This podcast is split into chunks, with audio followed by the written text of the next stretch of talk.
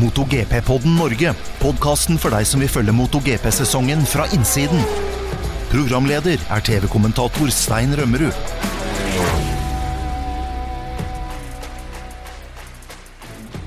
Velkommen til episode 36 av MotoGP-podden Norge. I dag med Karoline Olsen og Dag Steinar Sundby og meg sjøl som heter Stein Rømmerud. Hei, Karoline. Hei, hei. Og Dag Steinar, eh, det er der, ja. episode Ja, du er der, er du. Episode 36, det tar du liker. Det er tallet jeg liker, vet du. Det er, det er veldig positivt. Så det blir nok ekstra bra i dag, da. Det gamle racenummeret til Sundby. Så da Ja, gjelder det bare å farge hele podkasten litt sånn uh, anleggsmaskingul, så er vi der. Ja, da er vi der med en gang. det Det var fargene. Ja. Det var fargene til Sundby Racing. Starten med 36 og anleggsmaskingul. Ja. I dag så skal vi snakke om eh, India Grand Prix, som jo var en eh, veldig spennende affære. Vi har jo aldri sett løp på Bud International Circuit noen gang før, så det skal vi snakke om. Hvorfor Bagnaya tapte så mange poeng. Vi skal snakke om hvorfor eh, Jorge Martin og Marco Bezzecchi var så veldig sterke. Og vi må jo også konkludere litt med hvordan hele VM-runden i India var. Vi skal innom noen nyheter. Vi har en del på lager der. Men sist, men ikke minst, vi må touche innom Japan Grand Prix, som går til helga også. Denne gangen med Thomas Sigvardsen og Dag Steinar Sundby bak eh, mikrofonen. Da blir det frihelg på deg, Karoline. Det blir veldig ålreit. Jeg skal faktisk til Kreta på lørdag, så jeg gleder meg. Det blir. Med eller uten motorsykkel? Nei, dessverre uten. Det her blir altså Jeg føler meg jo som den bestemora om dagen. Det er liksom Alle reiser tidligere har jo vært i forbindelse med motorsykkel. Og nå er jeg en sånn type som går og legger meg klokka ni og drar til Kreta med familien. Altså, jeg begynner å bli redd for hvor dette skal ende. Nei da. Det er helt klart at jeg må få litt motorsykkelkjøring snart. Så Dag Steinar, du og jeg må ta en prat. ja, vi må gjøre det. En Men det betyr jo at da kan du bruke MotoGP-poden Norge som, som terapeutisk samtale med andre Ja. entusiaster. Ja. Det der høres ut som et veldig godt forslagstegn. Ja. Du, vi skal kaste oss over eh, India. fordi det ble jo en eh, litt annerledes VM-runde enn det vi har sett noen gang før. Vi kan kanskje begynne å snakke litt om hvordan det gikk. fordi det var jo masse skriving på forhånd. At dette her kom til å bli en eh, uvanlig VM-runde, og det kom til å bli mye trøbbel, og banen var farlig osv. Men det gikk jo veldig mye bedre enn det, Dag Steinar.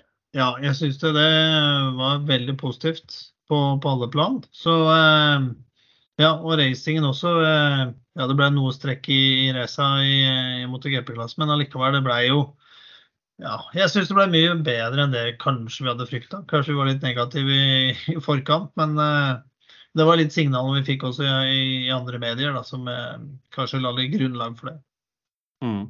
Kul bane, Karoline.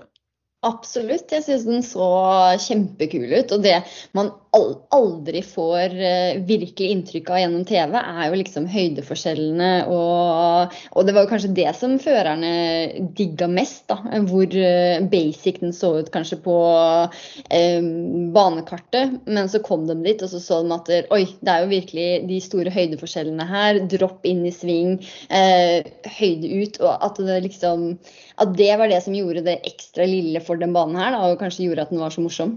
Mm. Og det ble noen overraskelser også. Vi eh, hadde jo på forhånd spådd litt av hvert. Jeg tenkte Martin kom til å bli sterk, og jeg var veldig fornøyd da Martin vant sprintløpet på lørdag.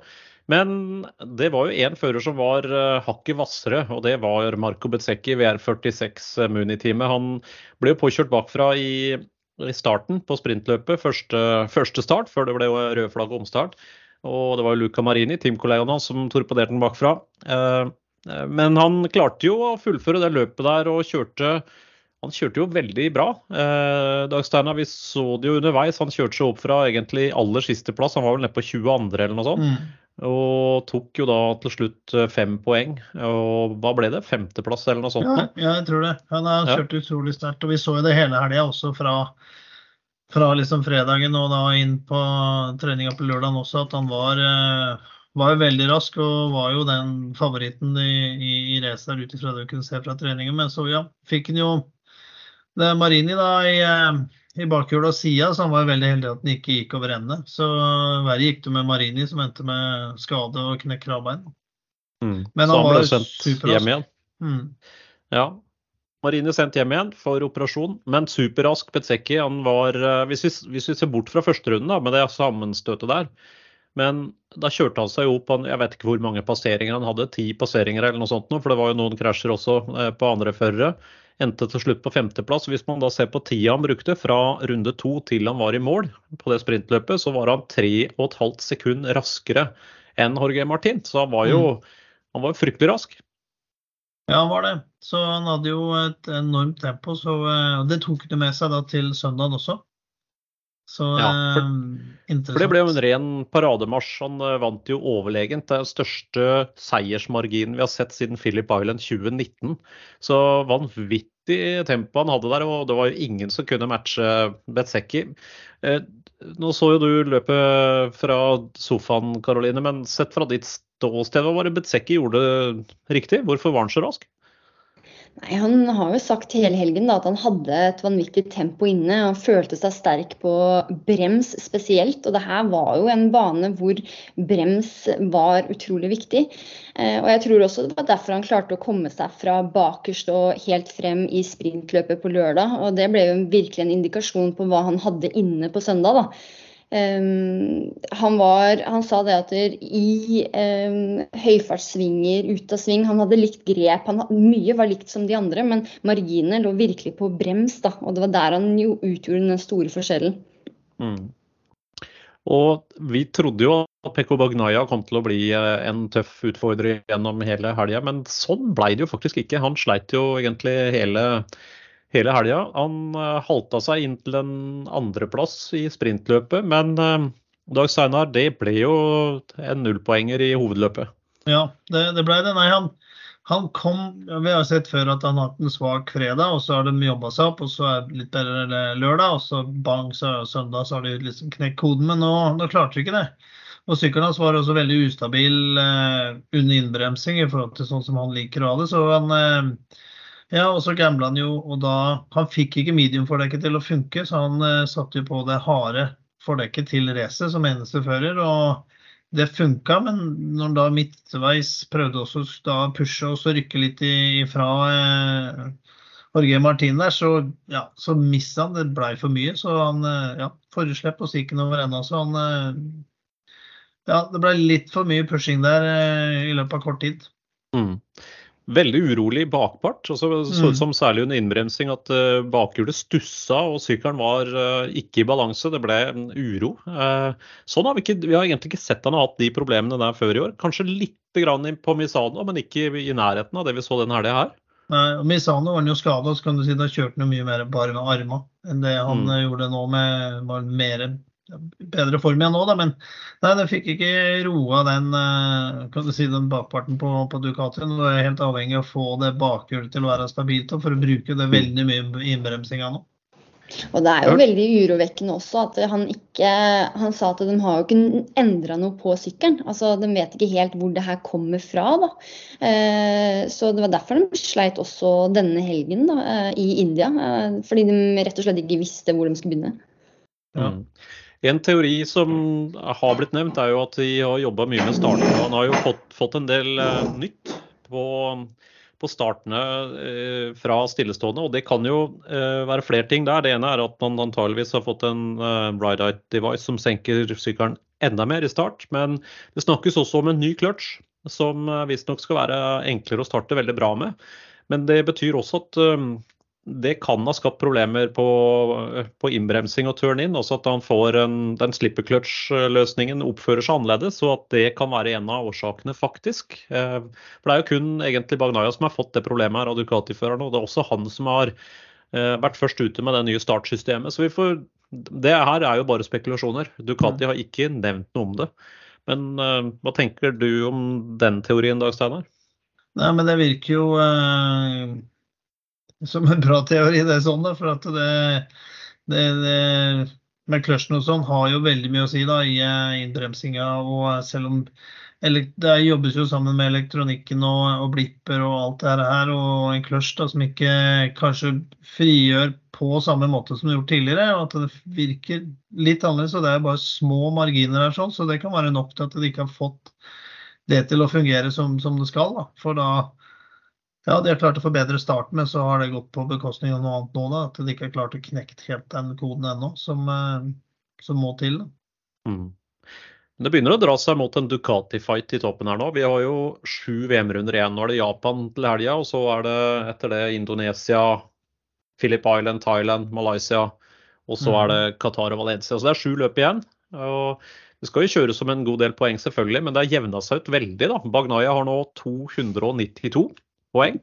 Martin 279, så det skiller bare 13. Og på tredje Betsekki 248, så han er jo da, hva blir det, eh, 29 poeng bak Martin igjen. Så det er jevnt i toppen. Det, er ikke, det blir ikke noe sånn eh, walk in the park for Bagnaya dette her, Karoline? Nei, absolutt ikke. Er, eh, og Martin er på en uh, kjempesving nå. Uh, Besekki han kjørte nesten utenomjordisk i helga. fordi vi er ikke vant til at det er så stor marginforskjell mellom første, andre, tredje. Men jeg tror liksom at vi Ja, vi får se nå, da. Jeg tror Bagnaya også, sånn mentalt, da, så er det hardere. Sånn som i fjor, så hadde han jo luksusen av å komme bakfra og jage Quartararo. Han var jo den som nå da var og hadde god flyt. Og nå er det jo han som blir jaga. Eh, Martin kommer med noe stikk her og der, sier at ja, men det er jo ikke min jobb å vinne mesterskapet, det er jo factory-føreren. Ikke sant. Altså han presses fra alle kanter her nå. Så det blir spennende å se hvordan han takler det. Han har definitivt ikke råd til flere feil, sånn som han gjorde nå i helgen på søndagens race. Mm. Men kan en privatfører bli verdensmester, Dagstad? Mm, ja, det var det, da. Det var det. Eh, I teorien ja, men kanskje i praksis eh, blir det veldig vanskelig. Vi har jo fleipa med det. og kan, kan si, Blir Jorge Martino Bezzecchi for sterke nå og begynner å presse virkelig eh, Bagnaya? Og så har vi fleipa med at Gigi Dalinja er der med skru litt i eh, Magnetti Marelli der, så ja, Nei, det er usikkert. altså. De sier jo at OK, Ducati-førerne kjører fritt om VM-tittelen, men vi så jo i fjor da når eh, Bastianini drev og pusha og utfordra Bagnaya på slutten, så blei de jo rimelig stramme i maska. Det var eh, mye og ofte Tadossi og eh, co. var over til Gresini-teamet da og prata litt ved muren, liksom. Mm. Så jeg tror det blir veldig tøft for da de private Ducatiene da og, og ja, ta det helt inn, kanskje. Men den store forskjellen i fjor var jo det at det var en Yamaha som pusha en Ducati. Da. Nå har vi faktisk topp tre som er Ducati-førere. Og jeg hører hva du sier, men jeg tror også det at når du har eh, såpass sterke førere på Ducati, altså for min del, da, så blir det for dumt hvis det skal være teamordre altså, jeg skjønner at det er det til en viss grad. Altså, de kommer ikke til å få den altså, Kanskje ikke like mye informasjonsdeling da, når det spisser seg til på slutten, absolutt. Men at det skal være noe sånn flytt deg over, la Bagnaya komme frem, det tror jeg ikke Bagnaya har lyst til heller. Så eh, det kan hende at vi ser noen hint bak kulissene, men jeg tror ikke det vil være så tydelig som det var i fjor. Så, så rådet ditt Steinar, til eh, Pramac og Muni VR46 det er passordbeskytt alle eh, datafiler. Ja. Og eh, kjøp, kjøp, et skikkelig bra antivirusprogram. Ja, ja, ja. ja. Fullt. full sats de siste kronene på det nå ut sesongen. Jobbe offline. Må ikke, ja, ja, må ikke når, når Gigi Dalinja tar fram mobilen med den der Magneti Marelli-appen. Da er det bare å gå i dekning. Falske Nei, det... filer og sånn. Ja, vil ikke ha det. Nei, det blir spennende å følge, da. Det er, Men er dere ikke enige at det hadde vært krise? Altså Nå er vi inne i en situasjon hvor uh, dekktrykk, dekk får veldig mye oppmerksomhet. Vi, har, vi, er i en situasjon hvor det er litt mindre close fighting enn det det var tidligere. da. Hvis det her også skulle bli en faktor, da, når Ducati er såpass dominerende på grinden med åtte førere, mot f.eks. Yama som bare har to, du har KTM og Aprilia. altså Det, det hadde jo uh, litt kjepper i hjula for sporten, vil jeg si. da. Altså Dra det så langt at det hadde ødelagt litt spenning. Jo, vi er jo enige enige med deg i, i det. Men det uh, kan hende at uh, enkelte tre, tre, tre, tre, vise menn inn i den Ducati Factory-boksen uh, tenker litt annerledes. Mm. Vi, er, vi, er, enige med deg, Karoline. Helt klart. Skal ikke vi jo da får dere ta en alvorsprat med dem der. Nei, vi, bare, vi får uh, bunte dem sammen, da. Ja, ikke sant? Teresa over. Men jeg tror jo også at eh, for Ducatis del nå, da, så er det mindre på spill nå egentlig enn det det har vært tidligere. fordi nå har de jo tatt to sammenlagt titler, de har tatt konstruktørtittelen.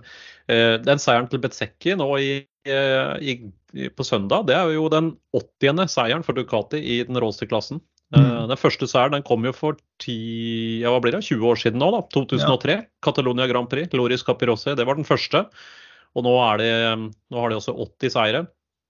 Eh, og med Betsecki og Martin, de som har vunnet nå, så har jo så har da faktisk eh, Ducati hatt minst én fører på pallen i 39 Grand Prix-løp på rad. Så det sier jo litt om hvor sterke de er i øyeblikket. Og, Mm. eh, og den seieren for Bezzecchi nå på søndag, det er den tiende for Ducati denne sesongen. Og det betyr at de allerede er bare to mindre enn en hva de klarte i fjor. Da fikk de tolv gjennom hele sesongen, og nå er det sju løp igjen, så de kommer til å slå den rekorden også, ser det ut som. da.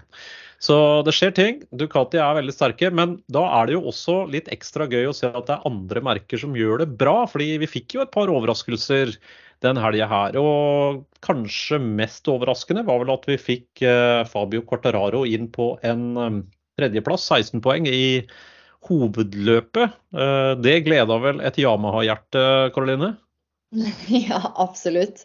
Altså, jeg, føler jo med disse førerne. Altså, det er, du veit hvilket talent eh, både Johan Mir, eh, Marc Marquez og Fabio Carteraro har. Da. De har vunnet VM tidligere. De er de sitter i en situasjon hvor jeg føler så med dem. Fordi eh, du blir gammel så fort i det gamet her. da, eh, Og, og sitte og ser at prime-åra dine, hvor du kjører ditt beste, er på en sykkel som ikke er kapabel med å vinne. Så det er fantastisk flott å se at det er noen sånne lysglimt innimellom. Da, at det ikke er helmørkt hele tida.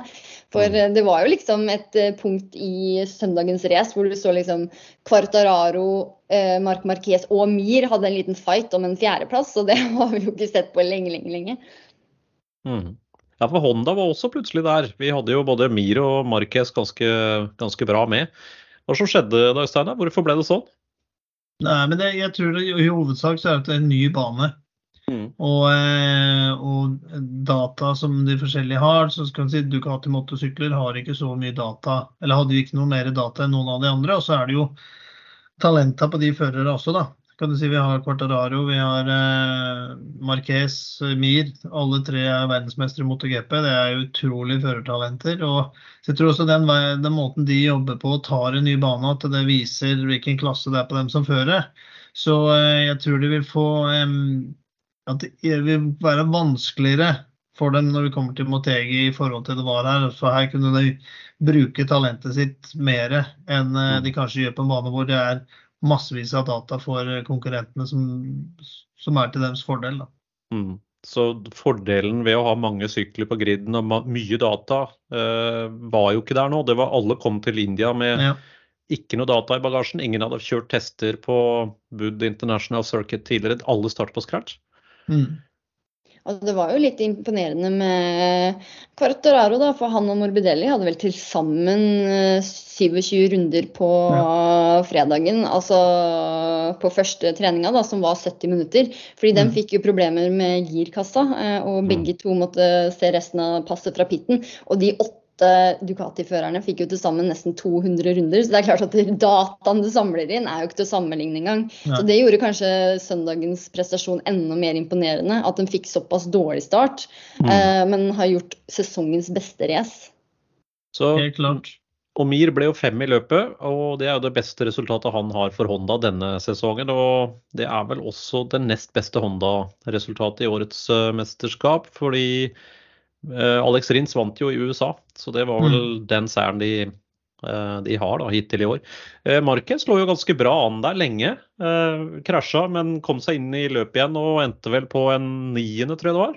Ja, Ni eller ti, var det vel? Ja. Ja, men Vi så jo hele veien hvor mye mer han kjempa for å holde følge med, med teten foran der. Så det var jo helt på limiten hele tida. Og ja, var litt uheldig, men uh, redda han jo nesten inn så han kunne fortsette med en gang. Men det var litt i bakken og så av gårde. nå, Men det er Mm. imponerende oppkjøringen etterpå. Han tok, eh, han tok sju poeng, så det er vel en niende, ja. Det er det. Han tok også sju poeng i sprintløpet, så det betyr jo at han hadde en tredjeplass der. Så Ja. en absolutt godkjent eh, helg det for Mark Marquez. Ser jo lovende ut. Det blir spennende å se da når de skal over til Japan nå, som jo er hjemmebane for Honda og Yamaha. Får vi se hva de, hva de klarer å prestere der. Um, andre ting som skjedde i India, det var vel én ting som jeg la litt merke til, og det var dette her med Jorge Martin i søndagens løp. Det var jo veldig varmt, og man valgte jo å kutte løpsdistansen med tre runder, men det ble likevel fryktelig varmt. Det var jo eh, Temperaturen er 33-34 grader. Det er jo ikke rekordvarmt, vi har sett det før og andre steder også, men det var i tillegg til veldig høy luftfuktighet her, og det ble en intens varme for førerne. Så jo ut som de eh, to andre på pallen her, Betsecki eh, og Quartararo, takla egentlig forholdene ganske bra. Men Martin, hva skjedde der egentlig, Dag Steinar? Nei, det var Han var jo dehydrert, rett og slett. Hadde ikke fått i seg nok eh, væske, salter og mineraler til å holde hele veien inn. At uh, missa litt der. Veit ikke om han Altså Matveien også. det er jo India kan jo være en utfordring der. sånn, Vi vet jo at eh, noen var eh, litt dårlige og sånt og Det er jo også dagsformen. Men han, eh, ja, han var jo så dehydrert, så jeg vet ikke om han husker at han kjørte siste runden, liksom. Mm. Eh, Det var eh, intens. og ja, Det her med skinndressen òg som gikk opp, det var jo også en ekstra faktor. og Vi så også han bremsa seg ut. og Det, det er for at han, ja, han var helt utmatta den, den siste delen med, med bremsen der. Mm. Og da, på det tidspunktet lå han jo på andreplass, bremsa seg ut i sving fire og tapte ganske mye på det. Og da smatt jo Quartararo forbi. Men han Mm. svarte jo umiddelbart, var veldig aggressiv. Han skulle Ja. ha den andreplassen. Det var egentlig imponerende at han klarte å samle Den- seg så mye, da. Den skulle han, for da var det bare etter bare lukka øya holdt fullt. Så så nesten ut, for det var en eh, rimelig risky manøver på ytteren der. Mm. Så eh, ja, nei, så vi så jo så han fikk den og han kom inn i pit lane og først innom teamet der og fikk vann og ble dynka da. Og så svima han vel også av i par, Park Fermé en liten stund. Mm. Han svimte av og kasta opp, så Ja. det hadde visst vært uh, ikke veldig bra. Så han var rett og slett dehydrert. Og Mm. det var jo en del av førerne som klaga over litt magetrøbbel også. Det er klart det er litt annen eh, bakterieflora enn det de er vant til, og kostholdet er kanskje litt annerledes. så noen og enhver sleit litt med det. Så kombinasjonen varme, fuktighet, slitsomt løp, eh, dehydrert, mageproblemer, det blir jo Ja, det er ikke, det er ikke så lett. Karoline? Nei, altså det er jo Jeg har opplevd én gang å bli dehydrert under løp. Eh, og det var når vi kjørte ned i Alabama. Eh, og det var 33 varmegrader og nesten 85% luftfuktighet. Det var helt forferdelig. Kom inn i pit lane. Jeg kunne ikke kløtsje hele siste runden eh, jeg kjørte. Og i det sekundet du kommer inn, så kollapser du av sykkelen og bare begynner å spy. Altså, nå sammenligner jeg ikke min fysiske form med en MotoGP-fører, men det er jo en av de verste følelsene i verden. Så eh, imponerende at han klarte å fullføre løpet som han gjorde. Altså, den andreplassen må jo ha føltes som en, eh, som en seier. Eh, og det er jo men det er jo et lite varsku for Jorge Martin. Da, for vi kommer jo til flere baner som har lignende forhold. Eh, varme eh, som han Og problemet er jo når du får disse Når her er første runden, og så har vi to back-to-back nå, da, eh, med utfordrende forhold. Og det tar litt tid å hente seg inn når du er så ekstremt dehydrert som han var i helga. Så det blir spennende å se hvordan formen hans er nå i Japan, da. Mm.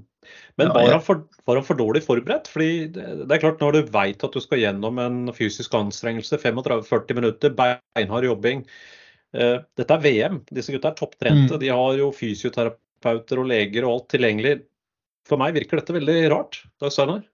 Ja, nei, kanskje ikke så rart, for det er ikke så mye den, på grensa. da, Få det riktig og få det feil, liksom sånn da, den, den det kan være ganske hårfint. så det, Men her også hadde vi en type bane som jo også gjorde at de og med luftfuktighet at de korta ned fra de rundene vi hadde i utgangspunktet. Så at de har nok merka at den var vesentlig hardere fysisk, den banen her, enn det de hadde trodd.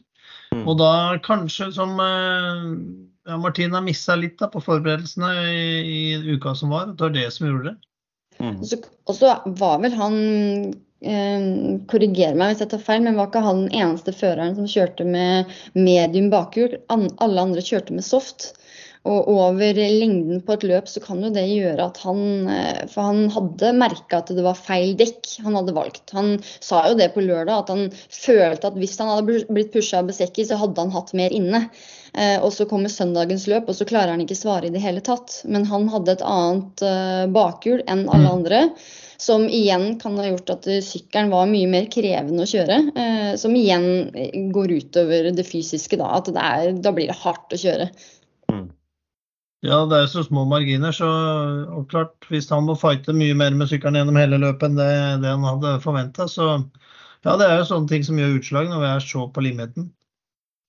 Vi får håpe at han og teamet har fått stell på det fysiske nå, at han da er klar til Japan Grand Prix til helga. Det skiller som sagt 13 poeng mellom han og Bagnaya. Eh, vi eh, har et par andre nyheter også som vi må innom. og et en av nyhetene det er jo at Franco Morbidelli er klar for eh, Pramac Ducati til neste år. Og det er vel tidenes eh, lucky loser, for å si det sånn. Han eh, mister rett og slett jobben sin hos Yamaha, og hva skjer da? Han sitter helt stille og rolig han, og bare venter på at mulighetene kommer løpende. Og det gjør de jo, for det åpna seg en mulighet til Pramac, som jo er det nest råeste Ducati-teamet. Sarko skal over til LCR Honda, og gjett hvem som får den plassen? Jo, det er Franco Morbidelli. Mm. Morbidelli har jo ikke hatt noen supersesong, men han er den eneste føreren nå som har tatt VM-poeng i samtlige løp. Så han kommer til mål. Han er jevn. Hva tenker du, Karoline? Blir, blir han en fyr å regne med framover? Ja, det tror jeg. Altså, jeg tror at der, eh, at der, han var jo for to-tre år siden en å regne med i mesterskapssammenheng. Altså, vi vet jo at han har talent. De andre førerne er ikke snaue når de snakker om Franco Morbidelli. Så jeg tror jo at vi får se en annen utgave av han på en Ducati. Eh, absolutt.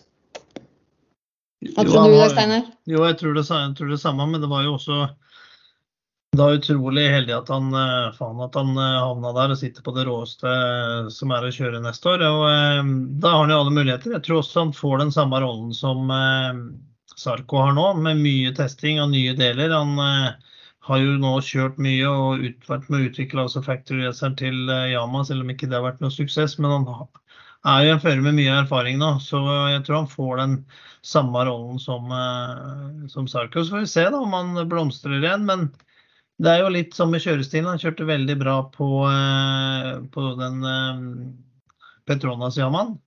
Men når han kom til, da, over til Factory, hvor også det var gjort om så sykkelen var mer aggressiv å kjøre, så, eh, så sleit de mye å gjøre om stilen.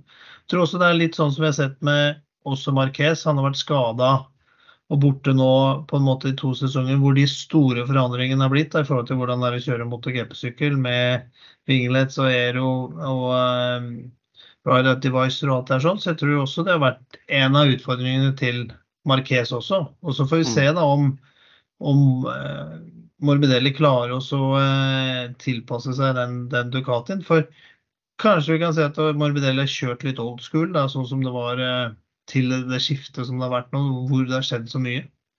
Mm, det tror jeg du har helt rett i. Jeg har, jeg har, kjent litt på den følelsen at jeg er ikke sikker på at han kommer til å prestere eh, i første sesong, i hvert fall hos, eh, hos Bramak til neste år. Nei. Jeg har jo en sånn rød bok som jeg skriver skader i, eh, for å følge meg litt. For det, det, skjer jo noe hele tiden med ulike bruddskader og ting som eh, hender. og Jeg, jeg noterte meg to nye skader den helga her. Det ene er Luca Marini, som vi var inne på. Venstre kravbein. Sendt over til Italia gjennom operasjon. Kjører ikke til helga. Og så har vi lillebror Marcus, Alex Marcus, tre ribbein etter krasjen i Q1, kval 1 denne helga. Eh, men apropos Alex Marquez, eh, og han kjører jo for Gresini. Teamkollega Fabio Di Gian Antonio skal ut. Eh, ryktene om Mark Marquez fra Honda til Gresini Ducati har vi jo snakka om før på denne podkasten. Ryktene har ikke slutta, Dag Steinar, men vi har ikke fått noe bekrefta ennå. Nei, de, de, surrer og går. og Også nå ledelsen i Ducati inn og bekrefter litt at det finnes plass og sånn. Jeg tror alt nå står helt på, på, hold, og at dette er noe som løses mellom Marquez og Honda. Og det kan hende at det løses sånn også at Marquez blir.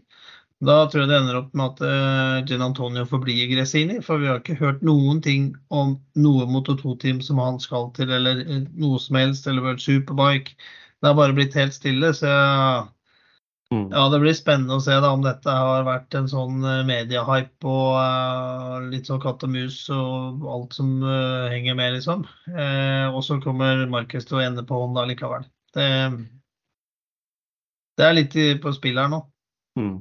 Det vil jo tiden vise hva det fører til. Men la oss da tenke den tanken helt ut. Hvis Marquez forlater Repsolon, da, det blir en ledig plass der.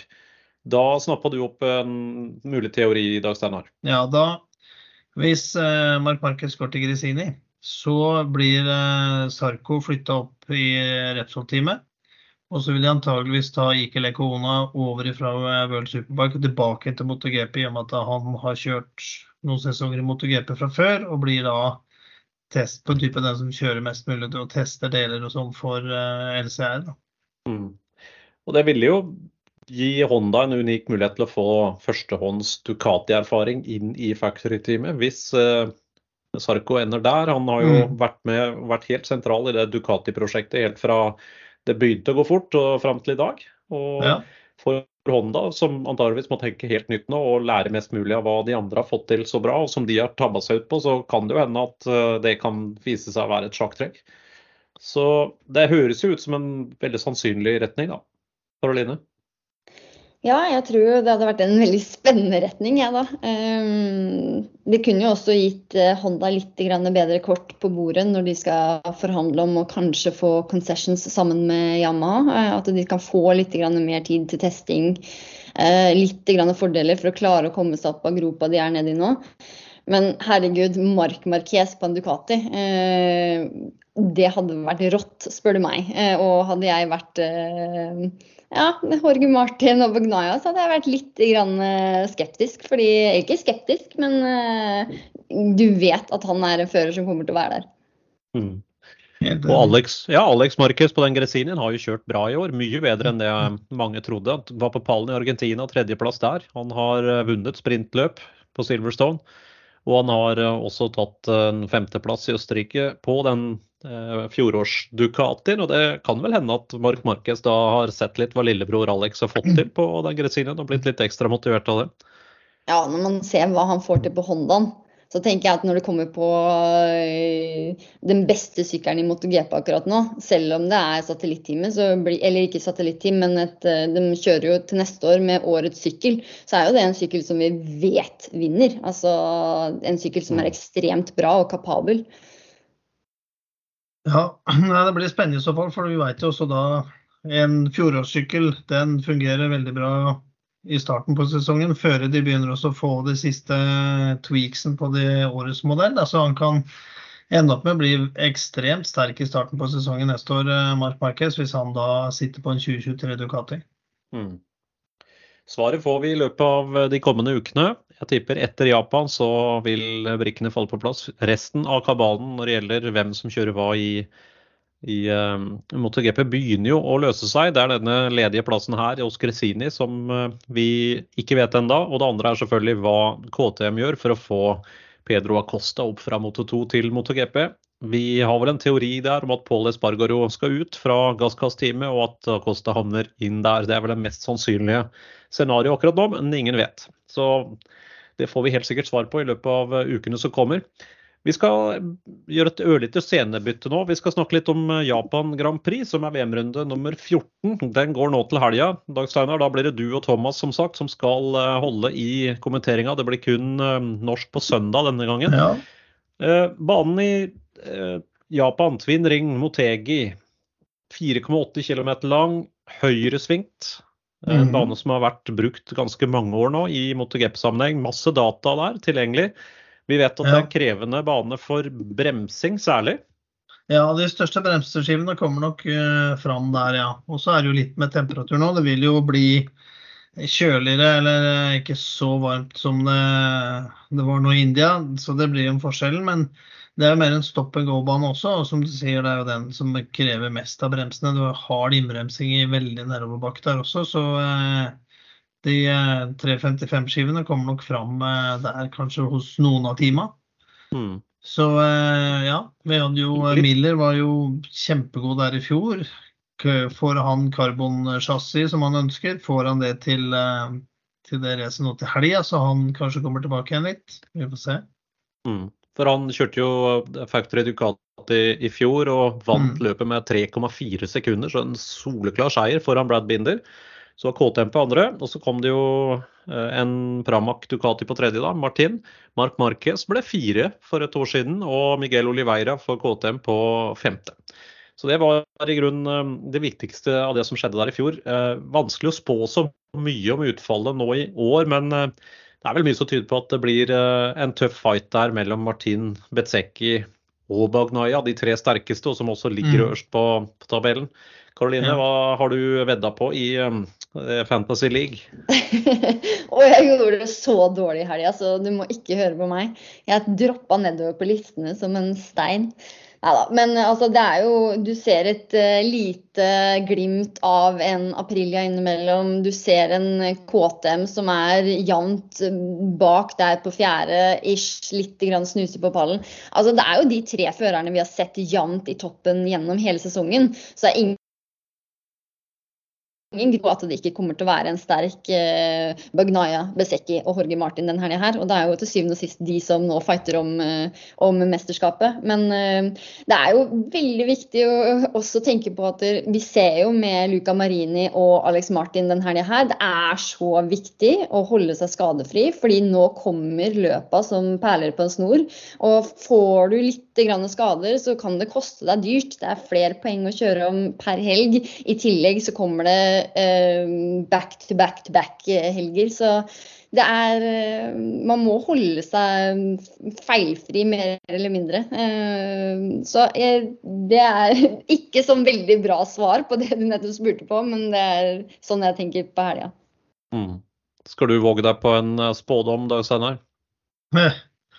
Ja, det er jo vanskelig, men det, det er jo Vi ender jo opp med det samme, jeg også. De, eh, de tre, tre raskeste egentlig så langt som er sterkest. Det er jo de tre Ducati-førerne. Men ja, det er harde innbremsinger og stop and go. Kan hende at eh, Brad Binder er en av de som eh, kommer opp på, på pallen der og eh, forstyrrer Ducati-føreren litt. Det tror jeg kan, eh, kan skje.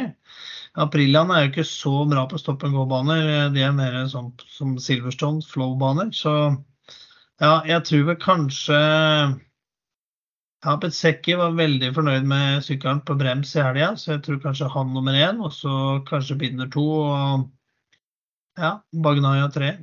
Mm. Uh, da, tar jeg, da tar jeg en eh, Hva var det du sa? Besekki? jeg sa, jeg sa så eh, Bezzecchi, Binder, Bagnaya, var det det du sa? ja, ja, stemmer. Mm. Da tar jeg Besekki, Jorge Martin og Binder, jeg, da.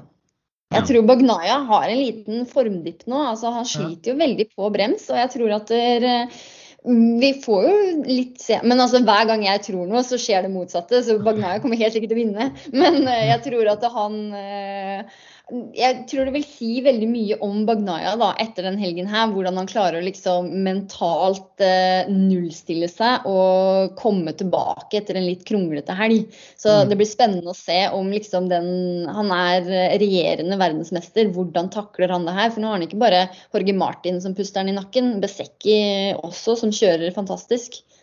Mm. Hva tror du da, Stein? Mm, ja, jeg tipper fortsatt Martin sterk. Eh, mye tyder på at han, eh, han er sterk.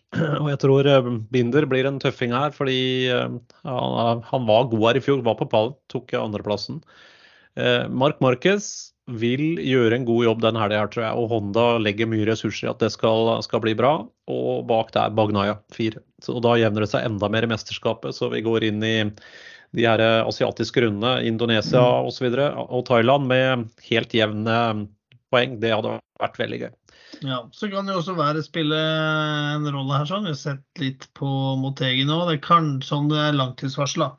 Kanskje det blir noe regn på eh, lørdag. Mm. Det kan jo snu litt opp ned på ting. Snu eh, veldig. Og vi vet når det noen ganger når det regner i Japan der, så er det, er det ganske bra med regn der òg. Altså. Mm. Det har Ja, vi, det har vi sett før. Og Oliveira hadde jo en femteplass der i fjor, eh, som vi vet er veldig god på regn. Så han, da, da kommer det brått veldig mange andre aktuelle inn her. Så Det, det kan det gjøre. Mm. Ja, Det blir veldig gøy å følge uansett. Jeg gleder meg skikkelig. Jeg skal følge, følge med, Dag Steinar. Det er jo litt sånne ukristelige tider denne gangen her. Kvaliken i MotoGP starter jo 03.50, altså ti på fire, natt til, natt til lørdag. Og så går det slag i slag. Eh, det går jo an å kombinere sprintløpet med frokost, faktisk. For det starter jo klokka åtte eh, på lørdag morgen, norsk tid. Det gjør det, ja. Så Så er det, det og så er det til helga vi flytter klokka. Er det det? eh, Er nei, vi må det er for tidlig. Det er for tidlig. Ja, jeg tror det er lenger ut i oktober. Ja, bra. Um, Ja, men det det er alltid spennende det, når man, det er særlig Malaysia pleide å være det tidligere.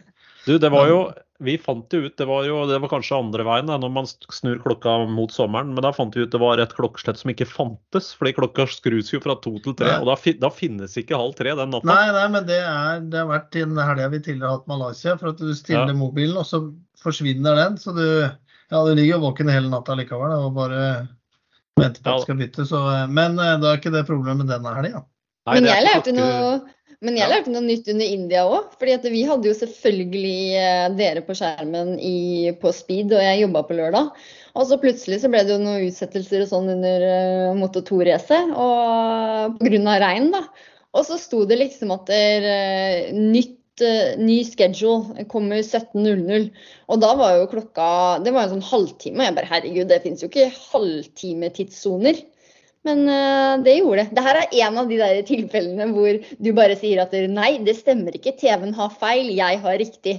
Altså, det er akkurat det samme når jeg er ute og kjører bil, og GPS-en sier at du skal til venstre, og jeg tar til høyre fordi jeg vet at jeg har rett, og det er helt feil. Så det var en sånn uh, harde tidssoner og stilte klokker-situasjon.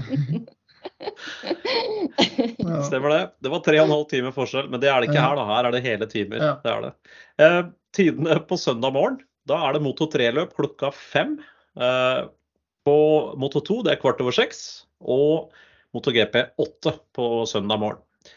Så det blir i hvert fall frokost klokka åtte begge dager, tror jeg. Med speilegg og et stort glass uh, juice og en kopp kaffe, og så får man heller se Moto 3 og Moto 2 i opptak. Mens uh, Dag Steinar, jeg jeg skal ikke tenke på det heller, fordi da ligger jeg og sover. Presis. sånn er det. Sånn er det, vet du. Vi gleder oss. Lykke til ja. til deg og Thomas. Tusen takk. Karoline, takk for at du også tok deg tid. Ja, veldig hyggelig, vet du. Som alltid. Som alltid. Og har dere innspill eller spørsmål til eh, disse podkastene, så send det på stein at motogp.no. Vi er tilbake igjen uka før VM-runden i Indonesia, så det blir jo en 14 dagers tid til neste gang. Håper alle får en riktig bra racehelg, og vi krysser fingrene for fair, tett og morsom racing i Japan. Ha det bra. Du har hørt MotoGP-podden Norge med programleder Stein Rømmerud. Så bra. Altså Dere aner ikke hvor sjukt ræva retningssans jeg har. Hvis dere noen gang kjører i bil med meg og jeg sier venstre, gå for av guds skyld til høyre, liksom. Det er flaks at en roadracingbane bare kan gå én retning, fordi det er helt krise. Så, og derfor var det så komisk. Jeg bare sto og så på den TV-en og bare Men det er feil! Det er feil! Det er noe som er feil! Og så kommer, så kommer det en kunde opp trappa og bare sånn herre Ja, men det er ett sted jeg vet at det er halve tidssoner, og det er India. Hvor er det her henne? Nei, det er jo India, da. ja, nei, det visste ikke jeg.